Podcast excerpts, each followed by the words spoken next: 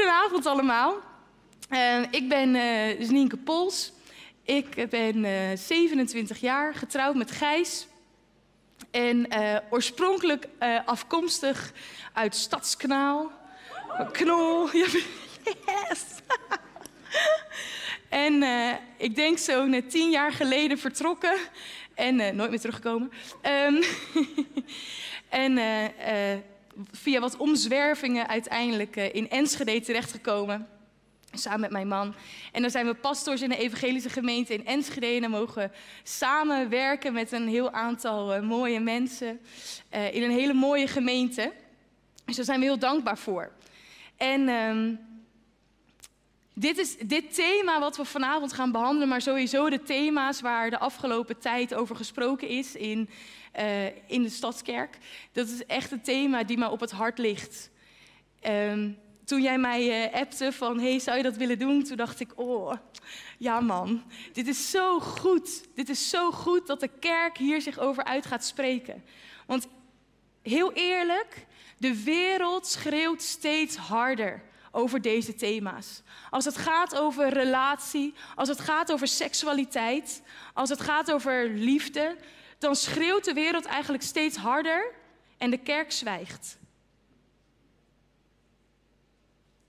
Dus waar gaan wij onze informatie vandaan halen? Vanuit waar baseren wij onze keuzes?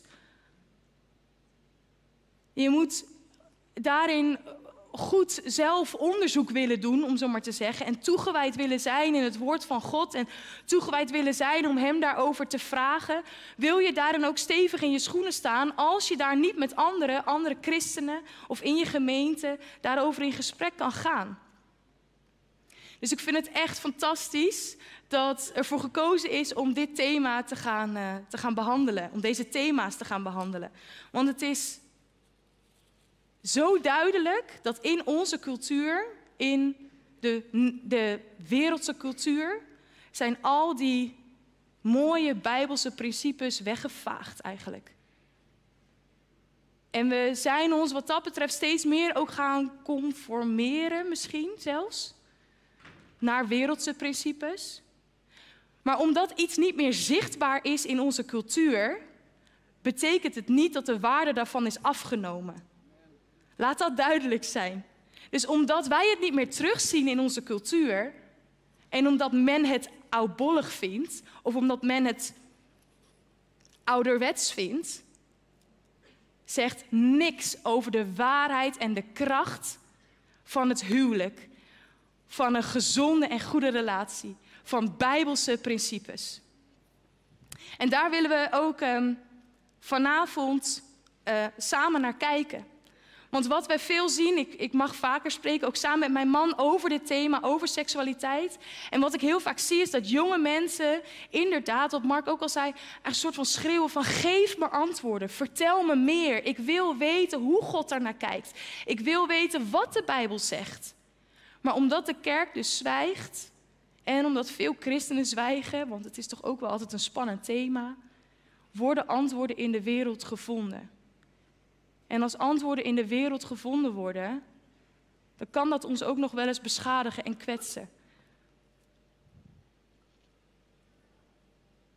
Het is mijn verlangen voor jonge mensen, voor jonge christenen, dat we leren hoe God kijkt naar ons als individu.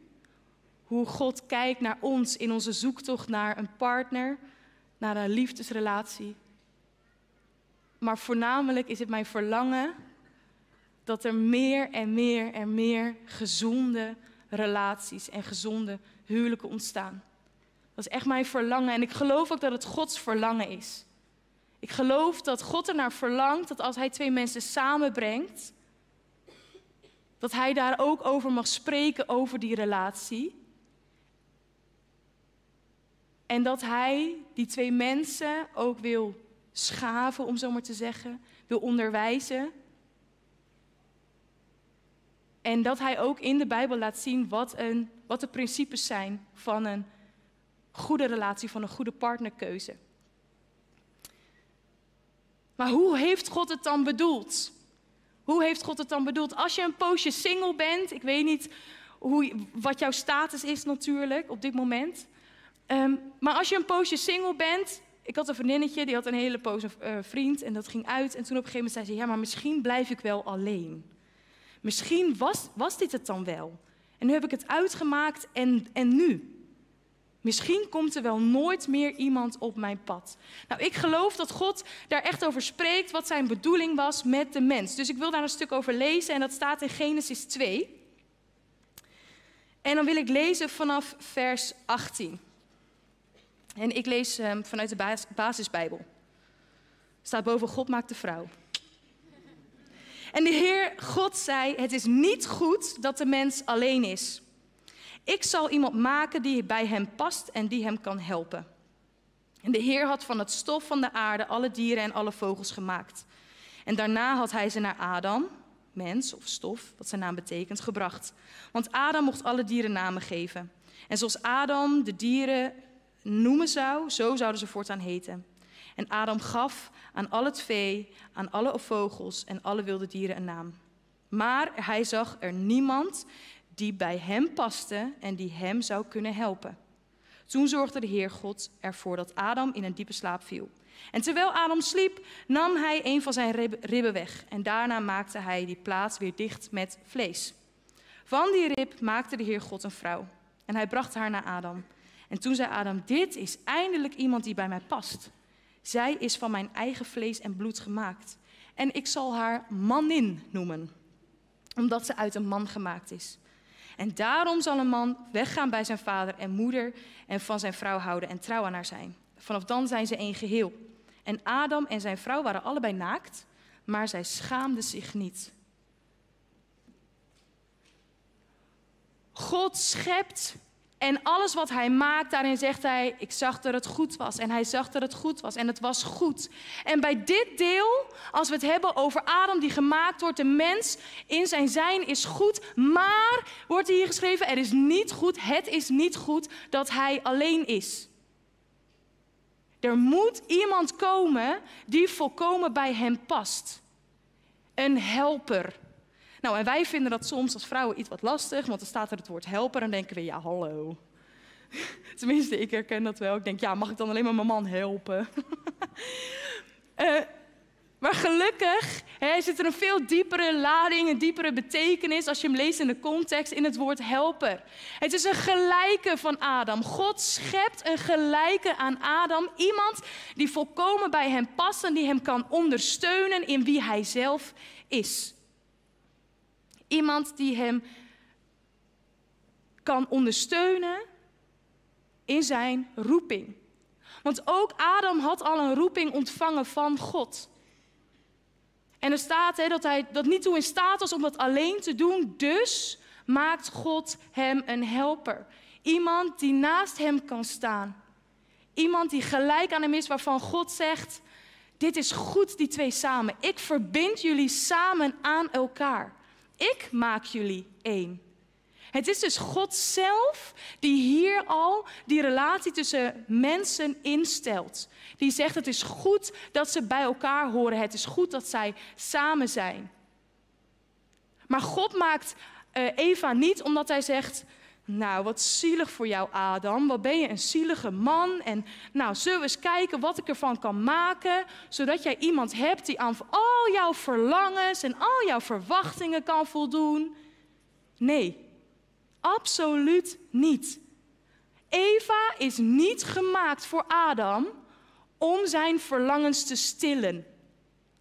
Zij is niet gemaakt voor Adam om haar leven volledig af te leggen in dienst van Hem, om zijn verlangens te stillen. Om Hem gelukkig te laten voelen. Nee, ze is aan Hem gegeven om zichzelf, om haar leven volledig af te leggen, om samen met Hem voor hun roeping te gaan, om samen te dienen.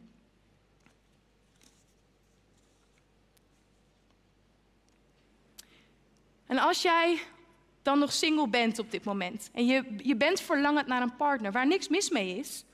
Adam zelf gaat ook een soort van op zoek. Hij ziet de dieren en denkt, nou, die past niet bij mij. Dit is niet iemand die lijkt op mij. Dit is niet helemaal mijn match. En dan zegt God, ik breng jou in slaap en ik maak een die gelijk is aan jou. En misschien ben jij daar ook wel naar op zoek. Ben je ook op zoek naar die partner waarvan je denkt, hé, hey, maar die matcht bij mij. Dat is echt vuurwerk. En wat is die drijfveer? Waarvanuit je op zoek bent naar een partner? Wat is de drijfveer voor jou om samen te zijn met iemand? Want geloof me, jouw partner, jouw relatie, degene met wie jij ooit zal gaan trouwen, zal nooit volledig jou kunnen vervullen. Mark zei het zo mooi, op zoek naar de ware. Ik kan je vertellen, er is maar één ware. Dat is Jezus. Er bestaat geen ware in een man of vrouw. Er bestaat wel iemand die echt supergoed bij je past en waar je echt heel fijn het mee hebt en waar je de Heer mee kan dienen. Om zo maar even door de kort, kort door de bocht te zeggen. Maar er bestaat niemand hier op deze aarde die jou kan vervullen in alles wat jij nodig hebt. Hij of zij kan nooit jou geven in jouw identiteit wat jij nodig hebt. Dat kan alleen God. Dus Jezus is onze ware. En vanuit de relatie met Hem en vanuit onze identiteit die wij weten, die wij, waarin wij geworteld zijn in Hem, vanuit daar kunnen wij verlangen naar een partner. Maar verlangen naar een partner vanuit, ja, want hij of zij gaat mij dan gelukkig maken. Of hij of zij geeft mij dan een doel in het leven. Of hij of zij geeft mij dan de bevestiging die ik nodig heb als vrouw, als man, als mens. Alleen dat kan Jezus ten volle geven. Alleen dat kan God alleen.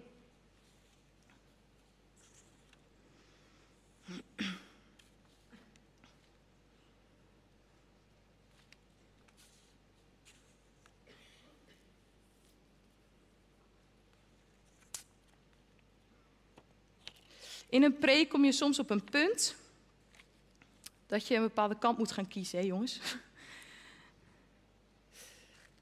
Ja. Want voordat jij, voordat jij die keuze maakt voor een partner, is het denk ik eerst zaak dat je weet wie jij bent. Is het eerst zaak dat je weet wie jij bent in Jezus.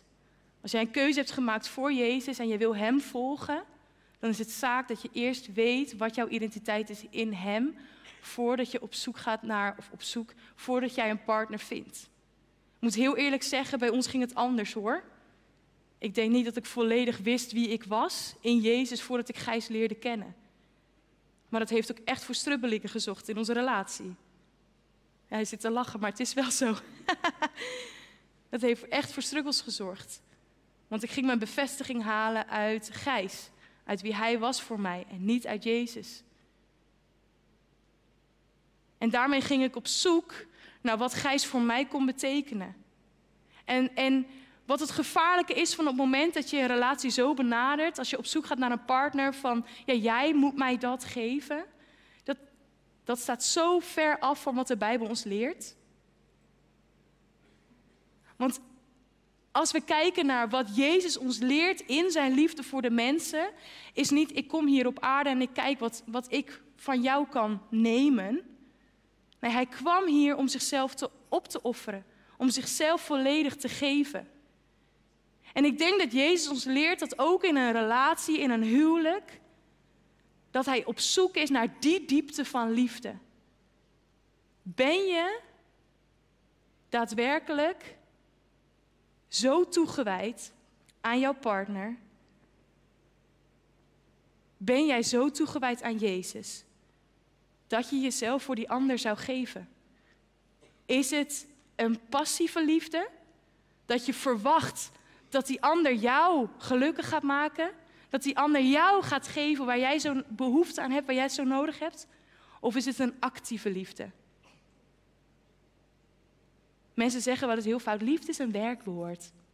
Maar het is wel waar. maar het is wel fout, maar het is wel waar. Het is echt zo. Liefde is een werkwoord. Jezus zelf laat ons dat zien.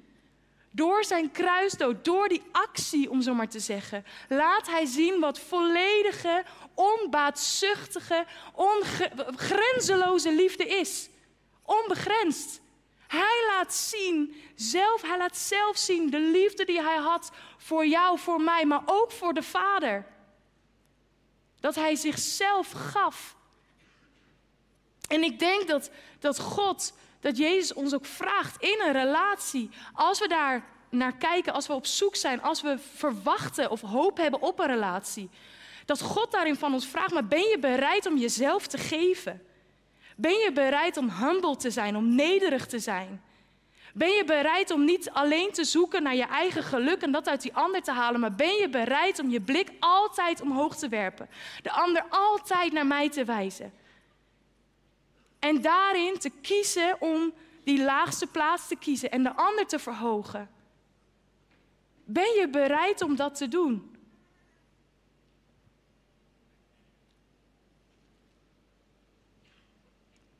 En dat is echt dwars tegen onze cultuur in misschien wel. Maar dat is denk ik wel wat God van ons verlangt. Dat we op zoek gaan naar of wij die toewijding, of wij die durven en willen geven. Nou, goed. Um, ik wil met jullie een verhaal lezen. En dat staat in Genesis 24. Want als je dan op zoek gaat, om zo maar te zeggen, naar een partner. Dus je verlangt ernaar, wat niks mis mee is. Hè? Je verlangt naar een partner, daar is niks mis mee. Maar hoe ga je dat dan doen? Wat leert de Bijbel ons? Welk verhaal lezen we in de Bijbel van hoe God ook wil spreken over het vinden van een partner? Want we hebben honderden keuzes. Hè? We kunnen lekker de kroeg in, maar wie weet heb je ook op zondagochtend hier iemand gespot dat je denkt, hé. Hey. Of uh, denk je met dat, uh, hoe heet dat, mei, mei wat is? Mijn project, sorry. Mijn project dat je denkt, nou, ik doe ook mee voor de goede dingen, maar... Of uh, een tussenjaar, want wie weet vind je daar wel degene. En niks mis mee dat je in die zin soms ook, ja dat klinkt heel fout, maar je ogen en open een beetje, uh, dat je je ogen en oren een beetje open houdt. Hè? Dat is op zich niks mis mee. Maar, maar, de wereld geeft ons ook heel veel andere mogelijkheden om snel en vluchtig een relatie in te gaan. iets als Tinder bijvoorbeeld of een andere datingsite. En nogmaals, ik, no judgment hier, absoluut niet. Maar ik denk wel dat God heel bewust en heel duidelijk wil spreken over jouw partner, over iemand die Hij voor jou heeft. En dat lezen we in Genesis 24, het verhaal hoe. Uh, dat gebeurt bij Isaac en Rebecca. Want het verhaal gaat zo. Uh, Abraham en Sarah, die ken je hopelijk. Nou, Abraham en Sarah. Sarah is al overleden en um, Abraham rouwt om haar, maar ook Isaac rouwt om zijn moeder. En op dat moment zegt Abraham eigenlijk tegen zijn oudste knecht, dus de knecht die al langs bij hem is: hey, het is goed dat jij op zoek gaat naar een vrouw voor mijn zoon. Maar ik wil niet dat ze dan hier uit de regio komt, dus anders moet je even teruggaan naar de plek waar wij vandaan komen en iemand uit mijn familie spotten en die dan meenemen en dan kan die dan mee trouwen. Nou, dat is een beetje achtergrondinformatie. En dan um, gaat die knecht op, op reis gaat terug naar de plek waar zij vandaan komen en dan gaat hij op zoek naar een vrouw voor Isaac. Maar dat doet hij niet zomaar. Lees maar, uh, lees maar eens mee. Toen hij daar aankwam, 24 vers 11, oh dat staat er, oh top. Toen hij daar aankwam, liet hij de kamelen neerknielen bij een waterput buiten de stad. Het was bijna avond. En op die tijd komen de vrouwen van de stad bij de put water halen. Hij bad, Heer God van mijn heer Abraham, Wilt u ervoor zorgen dat ik vandaag het juiste meisje ontmoet? En wees alsjeblieft goed voor mijn Heer. Abraham, ik sta hier bij de waterbron en de meisjes van de stad komen hier nu water halen. Ik zal tegen een van de meisjes zeggen: Wil je mij wat water uit je kruik laten drinken? En als ze mij dan antwoordt: Drink, en ik zal ook uw kamelen te drinken geven, dan weet ik zeker dat u haar aanwijst als vrouw voor Isaac. Dan weet ik dat u goed wil zijn voor mijn Heer. Hij was nog niet eens uitgesproken toen Rebecca de stad uitkwam met haar kruik op haar schouder. Rebecca was de dochter van Betuel, die een zoon was van Milka, de vrouw van Abrahams broer Nahor. Ze was een heel mooi meisje. Ze was ongetrouwd en nog met niemand verloofd. Ze liep naar beneden naar de bron, vulde haar kruik en kwam weer naar boven. En toen liep de knecht naar haar toe en zei: Mag ik een beetje drinken uit je kruik? Ze zei: Heer, of drink, Heer. En ze liet snel de kruik op haar hand glijden en gaf hem te drinken. Toen hij genoeg had gedronken, zei ze: Ik zal ook voor uw kamelen water halen, totdat ze genoeg hebben gedronken. En ze goot snel haar kruik leeg in de drinkbak. Daarna liep ze weer naar de put om water te scheppen voor al zijn kamelen. Verwonderd bleef de man stilzwijgend naar haar staan kijken. Hij vroeg zich af of de Heer inderdaad haar bedoelde of niet. Even tot zover.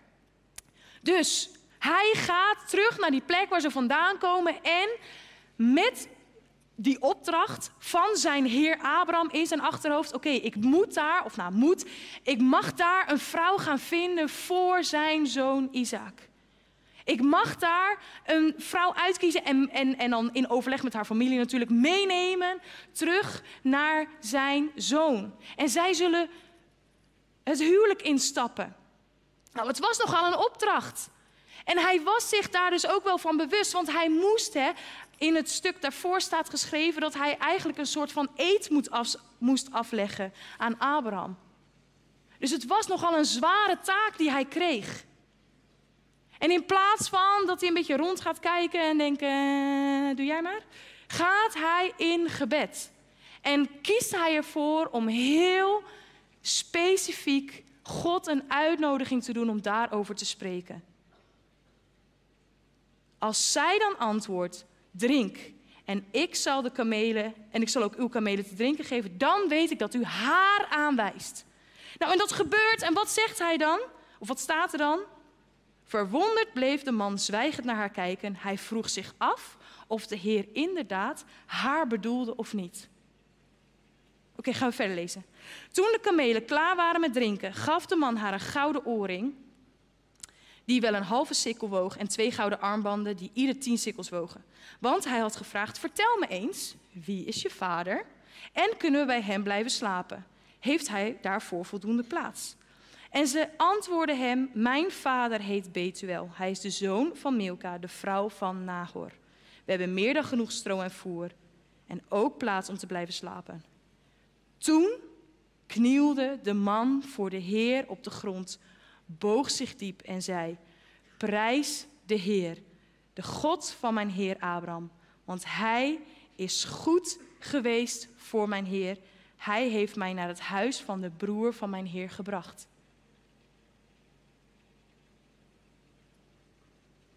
Hij knielde voor de Heer op de grond, boog zich diep. Want hij had een hele duidelijke opdracht gekregen. Hij moest niet alleen teruggaan naar de plaats waar ze vandaan kwamen, maar hij moest ook een meisje zoeken uit hun familie. Dus wat gebeurt er? Hij vindt Rebecca. Rebecca zegt precies die zin waarvan hij aan God gevraagd heeft. Als ze dat zegt, dan is dat het meisje. En dan staat er nog, hij vroeg zich af of de Heer inderdaad haar bedoelde of niet. En dan komt die bevestiging. Hij vraagt zo, eh, en uh, wie is je vader? En zij antwoordt, mijn vader is, en daarmee weet de knecht, dit is een goede match. Dit is de vrouw die bedoeld is voor Isaac. Dit is de vrouw waarvan God zegt, zij is een helper. Zij is een aanvulling. Zij is de wederhelft van Isaac. En ik denk dat, dat ondanks dat er ontzettend veel cultuurverschillen zitten in dit verhaal met, met onze cultuur, ik denk dat God één ding heel duidelijk wil zeggen vanavond. En dat is, wil je mij laten spreken over dit thema? Wil je mij betrekken in je partnerkeuze? Wil je van mij horen? Wil je aan mij vragen? Want ik denk dat we heel vaak eigenlijk wel zeggen: ja, ik zou het zo graag willen weten. Ik zou het zo fijn vinden als God zou spreken, als God zou zeggen: en, en dit is het. Maar ik denk dat we heel vaak vergeten te vragen. Ik denk dat we heel vaak vergeten om God uit te nodigen om daarover te spreken. Want wat laat God hierin zien? God laat erin zien hoe betrokken Hij is. God laat in ons leven zien hoe betrokken Hij is. Het is Gods vaderhart. Het is Gods liefde en zijn liefdevolle bescherming dat Hij hierin ook betrokken wil zijn. En die keuze niet alleen aan jouzelf over te laten. Maar daarin moeten wij ook Zijn principes volgen.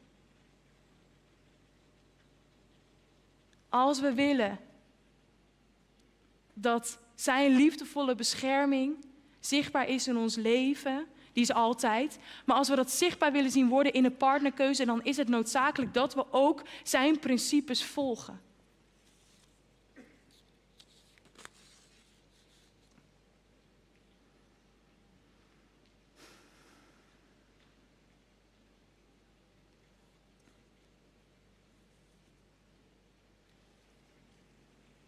En daarin is misschien ook wel de vraag: wat is in een relatie, in een partner, in een partnerkeuze, in een relatie als je verkering hebt, de graadmeter voor jou? Is de graadmeter verliefd zijn op iemand? Die liefdevolle, liefde, zo, die liefdevolle gevoelens voelen? Of ben je, wat ik zeg, echt bereid om die bijbelse principes te volgen die God ons geeft.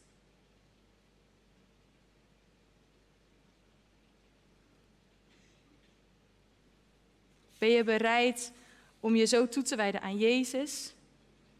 Om je zo toe te wijden aan Hem? Dat Hij daarin ook jouw toewijding ziet en beantwoordt door daarover te spreken. Gewoon even een vraag tussendoor. Wie is er op dit moment single? Als ik mag vragen. Wie zit er op dit moment in een relatie? Oké. Okay. Uh, any kind.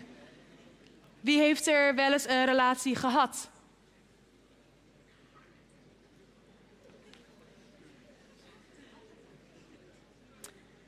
En nu een hele eerlijke vraag.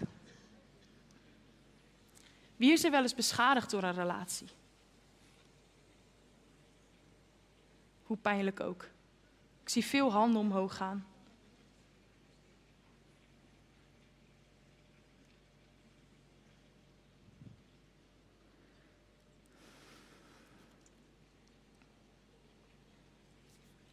Ik zie dat ook veel. Wat ik zei, als ik samen met mijn man spreek over dit thema, over liefde, over seksualiteit. Maar ook bij mijn leerlingen die ik lesgeef. Dan, dan zie ik dat echt veel. Dat veel jonge mensen, oudere mensen, dat maakt op zich niet uit, maar dat veel mensen beschadigd raken in een relatie. Dat veel mensen of dat sommige mensen ook te lang in een relatie eigenlijk blijven zitten. Waarom? Ik heb ooit een keer een meisje bij me gehad. En ze sprak me aan en ze zei: Ja, ze zegt: Ik vind het heel erg moeilijk om het uit te maken. Ik zeg: Oké, ja, dat, dat, snap ik. Maar ze zegt: Ik weet eigenlijk dat het niet goed is. Ik zeg: Oké, vertel eens. En toen begon ze te vertellen. Toen zei ze: Ja, op een gegeven moment begon hij dan, dit was dan een meisje, dus dit kan allebei de kanten, begon zij te vertellen, ja, op een gegeven moment begon hij dingen van mij te verwachten. Begon hij te zeggen ehm, dat ik dingen moest doen. Want we zaten nou eenmaal in een relatie, dus dat betekent dat. En ik zag echt dat ze, de tranen stonden in haar ogen. Want ik zag bij haarzelf dat dit een grens over was gegaan. Dat hij een grens over was gegaan. Maar ze zaten in een relatie. En niet kort. Ze waren al lang samen. En zij zei: Ja, dit is nu gebeurd. En, en, ik, en ik weet wel een beetje, zei ze, wat, wat God daarvan vindt. Um, dus ja, dus ik vind het heel erg moeilijk om dan ja, dus eigenlijk blijf ik dan maar bij hem. En in haar omgeving, in haar omgeving was ook het advies. Anders ga je trouwen. Anders, anders ga je maar trouwen, want dan, hè, dan heb je in elk geval die, heb je dat opgelost. En ik hoorde haar verhaal en ik zag een meisje, een meid, sorry, een jonge vrouw, die zo beschadigd was, die zo, zo'n pijn had van wat er haar was aangedaan, maar zo moeilijk vond om daarin voor zichzelf op te komen. Omdat ze dacht dat dat ook gewoon normaal was, omdat ze dacht dat dat gewoon kon. En hij ging over haar grens. En laat ik één ding daarover zeggen. Want voor mijn gevoel ben ik echt all over the place. En vergeef me als dat zo is. Maar ik wil daar wel echt één ding over zeggen. En dat is beide kanten op. Bij vrouwen en bij mannen. Maar je bent het waard om voor te sterven. Dus je bent het waard om op te wachten. Dus laat nooit, maar dan ook nooit iemand in jouw omgeving, in jouw relatie, in, een, in het daten met iemand. Laat nooit iemand bepalen dat jouw grens opgerekt moet worden. Dat jij dingen moet doen tegen jouw zin in. Tegen jouw wil in. Je bent het waard om voor te sterven, dus je bent het waard om op te wachten. En datzelfde geldt voor een relatie. Wachten is daarin denk ik echt key. We zijn in christelijk Nederland gewoon ja, zo, zo, is het nou eenmaal. Ben je single, dan is het eigenlijk altijd de vraag op verjaardagen. Nou, en heb je al iemand gevonden die... heb je al een relatie? Ben je dan eenmaal samen met iemand? Dan wordt er gezegd, nou, en wanneer ga je trouwen? En dan ben je getrouwd en het eerste wat ze vragen is... en begint het al een beetje te kriebelen? Ja, en we lachen erom, maar eigenlijk is het best wel bizar, toch? We zijn in ons christelijke cultuur echt heel erg geneigd om altijd te kijken naar de volgende stap. Terwijl ik denk dat God de waarde wil laten zien aan jou van de fase waar je op dit moment in zit. Als jij single bent, dan wil God daarin aan het werk met wie jij bent. Jouw identiteit. Als je in een relatie zit, geloof ik dat God daarover wil spreken. Hoe jullie samen dicht tot elkaar kunnen groeien. Want in een relatie moet je groeien dat is niet gelijk van de eerste date, pats, boem en gelijk. Uh, nou, weet je wat, zullen we volgende week trouwen? Zo werkt het niet. Dus je groeit in je relatie. En ook in je huwelijk. En daarin wil God ook weer dingen laten zien. Voordat een gezin gesticht wordt. En dus daarin geloof ik dat elke fase van jouw leven, dat God daar op een krachtige manier in werkt. En dat het ook goed is om te genieten van de fase waar je in zit. Dat het goed is om te genieten van het daten bijvoorbeeld. Als je een relatie hebt met iemand en je spreekt met elkaar af, dat je daarvan geniet. En tuurlijk mag je bezig zijn met een toekomstbeeld, met een toekomstplan, maar heb daar niet alleen je focus op. Maar geniet van het moment waar je nu in zit, ook als je single bent. Dus misschien makkelijk praten voor mij als getrouwde vrouw, maar geniet ervan, van de tijd waarin je heel persoonlijk ook tijd hebt met God. Ik moet eerlijk zeggen, voordat ik verkering kreeg met Gijs, dat ik echt op bijzondere manieren had ik soms ontmoetingen met hem. En toen kregen wij een relatie en toen ontdekte ik ook dat Gijs ook een soort van manier had waarop hij God ontmoette. En toen dacht ik, huh? Oh. En daar, moesten wij weer onze weg in vinden om ook samen God te zoeken in onze relatie.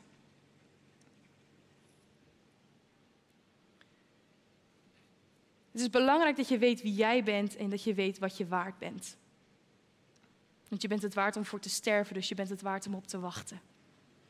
In een relatie, in seks, noem maar op, in alles. Ik wil afsluiten met uh, eigenlijk te vertellen hoe wij elkaar ontmoet hebben. Want uh, Gijs en ik, wij deden allebei een tussenjaar bij Youth for Christ. En uh, dat was uh, vrij bijzonder hoe dat liep. Überhaupt dat ik vanuit Stadskanaal, ik ging naar Driebergen om uh, een tussenjaar te doen. En ik zou eigenlijk gaan studeren, weet ik het allemaal. Dus op een hele bijzondere manier leidde God mij naar dat tussenjaar toe. Nou, ik zei het net al, hè, tussenjaren, daar, soms dat, eh, vind je daar je partner. Um, maar wat gebeurde er op een dag? En Gijs gaat het echt niet leuk vinden dat ik dit ga vertellen. Vind ik heel grappig. Uh, maar op een dag stond onze leider van uh, onze groep stond voor, de, voor de groep en die zei: uh, Nou ja, het is natuurlijk, we zijn al drie maanden bezig, maar ja, er is nog een jongen en die haakt nog aan. Dus wij zeiden: Oké, prima. Maar wij waren een hele chille, gewoon relaxte groep, waar niet zo heel erg veel, nou ja, aan de hand was, om zo maar te zeggen. Dus ja, wat ik zeg, je, je scant toch altijd een beetje de ruimte en je denkt, nou nee, wat erg hè. Niet, ja, dat... en, uh, en wat gebeurt er? Dus uh, wij zitten daar gewoon zo en Rafael was erbij, dus hij kan het beamen. Het was echt afschuwelijk, ik weet het. Maar wat gebeurt er? Gijs die komt binnen, echt een stoere vent, zo'n zo'n voetbaltas zo over zijn schouder. En hij komt zo binnenlopen, zo echt, no offense schat, maar het was echt zo hè. Ja, komt zo binnenlopen. En hij draait ze zo om naar de groep. En al mijn meiden, al mijn vriendinnen zaten echt zo... Dat is echt niet oké. Maar dat was wel wat er gebeurde. En, uh, en nou, Gijs, wil je eens even voorstellen? Ja, is goed. Ik ben Gijs, bij 21 en uh, ik hou van voetbal. en een jongen die naast me zat, die kijkt zo mij aan. En die kijkt de rest van de meiden aan. En die kijkt naar Gijs en die zegt... Gijs, ik denk dat ik voor de meiden hier spreek. Heb je een vriendin? En Gijs zo, uh, nee. En die gaat gewoon rustig zitten. En de rest van de weken, oh man, ik, was echt, ik dacht echt alleen maar: oké, uit de buurt blijven van die gast. Uit de buurt blijven. Want ik was beschadigd in vorige relaties. Mijn hart was gekwetst. Ik had weinig vertrouwen in mannen, moet ik eerlijk zeggen. Ik dacht dat uh, ik moet echt, bij zo'n jongen moet ik echt vandaan blijven. Maar wat gebeurde er in die weken? Want we zagen elkaar altijd op de maandag. En wat gebeurde er in die weken? Op de een of andere manier ontstond er wel eens een keer een klik. Of ontstond er wel eens een keer hè, dat, dat Gijs grapje maakte. En dat ik aan de andere kant van de ruimte zag. En dat hij zo naar mij keek van... Was een goeie, hè? En dat ik echt dacht... Wat, huh? wat ben jij aan het doen? Was echt super ongemakkelijk. En ik merkte dat naarmate de weken vorderden... dat ik vaker aan hem dacht. Maar niet dat ik dacht, hé, hey, ik, ik krijg gevoelens voor hem. Maar meer gewoon, hij popte dan in mijn hoofd en dacht ik, oh, he, Gijs, oké. En dan ging dan weer weg. En op een gegeven moment toen dacht ik, ja, nou, word ik dan verliefd op hem of zo? En toen dacht ik, ja, mijn moeder zei altijd, als dat soort dingen gebeuren, moet je gewoon gaan bidden. Dus je moet altijd gewoon voor je toekomstige man of voor je toekomstige partner bidden. Maar ja, wist ik veel. Ik had niet het idee dat dat mijn partner zou worden. Maar hij popte wel steeds in mijn hoofd. Dus ik dacht, weet je wat, ik ga voor hem bidden. En het enige wat ik bad was, Heer, haal hem uit mijn hoofd. Dit wil ik niet. Deze niet, Heer. Oh, wat erg, hè? Dat is echt... Klinkt echt alsof... Maar ik was gewoon een beetje bang voor hem. Hij was zo zelfverzekerd. Zo kwam hij over. En hij was zo... Ik vond hem ook heel knap. Nou, jongens. Is het heel erg wat ik zeg? en ik vond hem ook heel knap, dus ik werd een beetje onzeker van hem. Nou, en uh, dus de weken vorderden en hij maakte af en toe eens wat grapjes tegen mij. En ik dacht, nou, ik ga ervoor bidden. Dus ik ging ervoor bidden. En, en die gedachten die kwamen maar steeds terug. En ik, het enige wat ik op een gegeven moment bad was... Heer, als ik hier iets mee moet, prima, maar laat hem dan die eerste stap zetten. Want ik, ik u weet het. Ik vind het zo kwetsbaar. Stel je voor dat hij mij dik afwijst. Dat ik denk, girl, dan, wat dan? dan? Dan ben ik zo gekwetst. Dat durf, dat durf ik niet meer. Ik durf niet mijzelf weer zo. Dus ik ging ervoor bidden en ik zei: Heer, laat maar hem de eerste stap zetten. Nou, ik denk een aantal weken later, midden in de nacht, kreeg ik via Facebook Messenger een berichtje. Een berichtje van Gijs. We waren niet eens vrienden op Facebook. Facebook ook. Long time ago. Maar in ieder geval, ik kreeg een berichtje van hem op Facebook waarin hij zei, waarin hij zei ik weet niet wat het is, maar ik moet vaker aan je denken. Ik heb er veel voor gebeden en ik denk dat het goed is dat ik het gewoon zeg. Oké, oké, dit is precies wat ik gebeden heb. Dit is echt precies wat ik gevraagd heb aan God of hij dat wilde doen. En dat gebeurde. Maar toen zeiden we maar, ja, wat nu? Nou ja, we hebben nummers uitgewisseld, we zijn gaan appen. En toen zeiden we op een gegeven moment, zo een keer afspreken? Nou, dat was één grote deceptie. dat was niet per se gelijk heel Wat ik zeg vuurwerk, want we, we waren niet verliefd op elkaar. Maar we dachten, er is wel wat. Er is wel wat hier. Dus laten we maar gaan ontdekken wat het dan is. En Gijs die was echt heerlijk direct, ook al in die tijd. En op een gegeven moment, na een aantal weken, maanden, daten, zei hij tegen mij van... Ja, weet je, ik vind je op zich wel leuk, maar... Ja, weet je, ik hoef je nog niet op de bank bij mijn ouders te hebben. Dus ik zei, oké. Dus toen dacht ik, het was weer die bevestiging voor mij. Dat ik zei, oh, zie, dit, ik weet niet. Dit kwetst me ook. Wat moet ik hiermee? En toen op een gegeven moment zat ik in de trein. Ik mocht ergens zingen. Zat in de trein en ik zei tegen de Heer, dat was echt al een aantal maanden later. Ik zei tegen God, ik zei, Heer, we zijn nu aan het daten. Ik weet niet wat dit is. Ik merk dat ik wel verliefd word op Gijs, maar ik heb het idee dat er niks is bij hem. Ik zei, maar dit weekend hoor, Heer. Het spijt me dat ik een ultimatum geef, maar dit weekend. Als dit weekend niet verandert, dan ga ik maandag gewoon zeggen van, joh, weet je, we hebben leuk gedate, het was gezellig, maar laten we maar gewoon kappen. Laten we maar gewoon kappen. En ik weet het nog echt heel goed. Ik mocht zingen bij de radio ergens in Twente. En Gijs had gezegd, ja, ik ga wel mee. Oké, prima, ga maar mee. Weet je het zeker? Ja, ik ga mee. En in die trein begon Gijs ineens een beetje een soort van heen en weer te rennen in die coupé. Dat ik echt dacht, wat ben jij aan het doen? En we stonden later op het perron. En ik zei, wat is er aan de hand? En hij zei, ik weet niet wat het is. Ik weet echt niet wat het is. Maar het is alsof mijn oogkleppen zijn afgevallen. Ik ben zo verliefd op je. Mooi hè? Ik ben zo verliefd op je. En ik dacht, oh, oké. Twee weken later zei ik, maar, wat, hè, maar hoe zit het nu? Ze zeiden, ja, we hebben al twee weken een relatie. En ik zei, huh? Wat? Ik zeg, wanneer heb jij mij gevraagd dan? Hij zei niets, maar ik dacht dat we gewoon een soort van understanding hadden dat het zo was. Ik zei, oh, gaat het zo tegenwoordig? Dus ik heb hem heel duidelijk gemaakt, je moet me echt een huwelijk vragen. Niet dat ik ineens in een jurk ergens sta dat ik zeg, ja, ik weet niet, maar ik denk dat we gaan trouwen.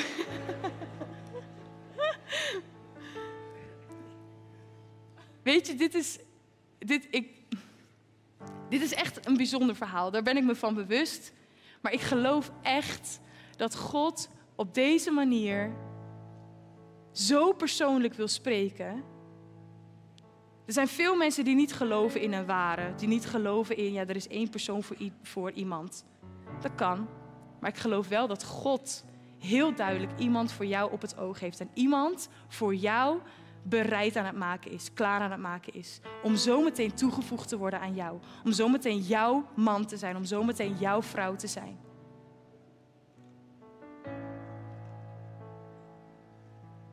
En als je daar naar verlangt, het kan best wel, hè, dat je daar echt naar verlangt, dat je verlangt naar een partner, dat is helemaal oké. Dan wil ik, um, ik wil zometeen sowieso even voor je bidden. Maar ik wil je ook uitnodigen, want ik weet dat er een gebedsteam is. En ik weet dat er ook mensen in de zaal zijn die, want ik heb je hand net gezien, maar die beschadigd zijn in het verleden door een relatie. Op welke manier dan ook. En ik weet dat er mensen in de zaal zijn die waarschijnlijk echt hartstochtelijk verlangen naar een partner. Naar iemand waarmee je het leven kan delen. En er zijn misschien ook wel op dit moment stellen in de zaal die daarin aan het onderzoeken zijn samen. Van hé, hey, passen we echt goed bij elkaar? Is het Gods wil dat we samen zijn? Of die aan het zoeken zijn, wat kan een volgende stap zijn in onze relatie? Zijn, ja, zijn we toe om bijvoorbeeld te aan toe om bijvoorbeeld om te trouwen? Zijn er dingen wel zuiver in onze relatie? Zouden we andere keuzes moeten maken? En ik geloof en ik, ik, ik wil eigenlijk die uitnodiging doen aan je vanavond. Dat als je single bent en verlangt naar een relatie, dat als je in het verleden gekwetst bent in een relatie, of als je als stel hier zit en verlangt naar hoe God, of God wil spreken over jullie, dan wil ik je gewoon uitdagen om naar het gebedsteam te lopen. En ik ben eigenlijk ook nooit echt iemand die dat doet. En Gijs is eigenlijk altijd de aanjager daarvan. Die, die doet dan even zo, als we dan ergens zitten en die zegt, zullen we voor ons laten bidden? En dan denk ik, oké, jij wil dat graag, laten we dat doen.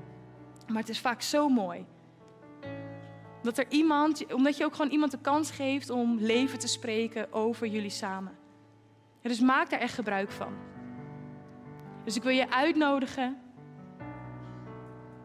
om daarin eh, gebruik te maken van het gebed wat uh, gefaciliteerd wordt, om zo maar te zeggen. Maar vergeet deze in elk geval niet. Er is er maar één ware en dat is Jezus. Amen.